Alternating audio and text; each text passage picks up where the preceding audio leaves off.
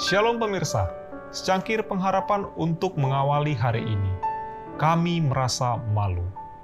Maka biarlah kita berbaring dengan perasaan malu dan biarlah noda kita menyelimuti kita, sebab kita telah berdosa kepada Tuhan Allah kita, yakni kita dan nenek moyang kita dari masa muda kita sampai hari ini, dan kita tidak mendengarkan suara Tuhan Allah kita. Yeremia 3 ayat 25. Tanpa pertobatan dan pembaruan yang sejati, maka pengakuannya tidak akan diterima Allah. Harus ada perubahan yang pasti di dalam kehidupan. Segala sesuatu yang sifatnya menentang Allah haruslah dibuang. Inilah hasil yang murni dari penyesalan kita akan dosa itu. Pekerjaan yang hendak kita lakukan amat jelas dipaparkan di hadapan kita basuhlah, bersihkanlah dirimu. Apabila dosa sudah mematikan ajaran-ajaran moral, maka orang-orang yang berdosa tidak akan dapat lagi melihat kekurangan tabiatnya ataupun menyadari hebatnya kejahatan yang telah dilakukannya. Jadi kecuali dia menyerah dalam kuasa roh kudus yang meyakinkannya, maka dia masih tetap buta terhadap dosa-dosanya. Pengakuan-pengakuan yang diadakannya tidak sungguh-sungguh dan tulus hati.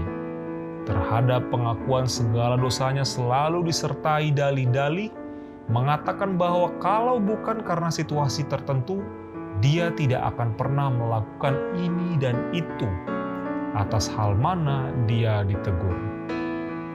Tidak ada orang yang hidup untuk dirinya sendiri. Rasa malu, kekalahan, dan kematian dibawa ke atas Israel oleh dosa satu orang. Berbagai dosa yang disimpan dan dipraktikkan oleh orang-orang yang mengaku Kristen menimbulkan ketidaksetujuan Allah atas jemaat. Pada hari ketika buku besar sorga akan dibuka, hakim tidak akan dengan kata-kata menyatakan kepada manusia kesalahannya, tetapi akan melemparkan satu pandangan yang tajam dan meyakinkan dan setiap perbuatan, setiap transaksi kehidupan akan dengan jelas terkesan pada ingatan pelaku kesalahan.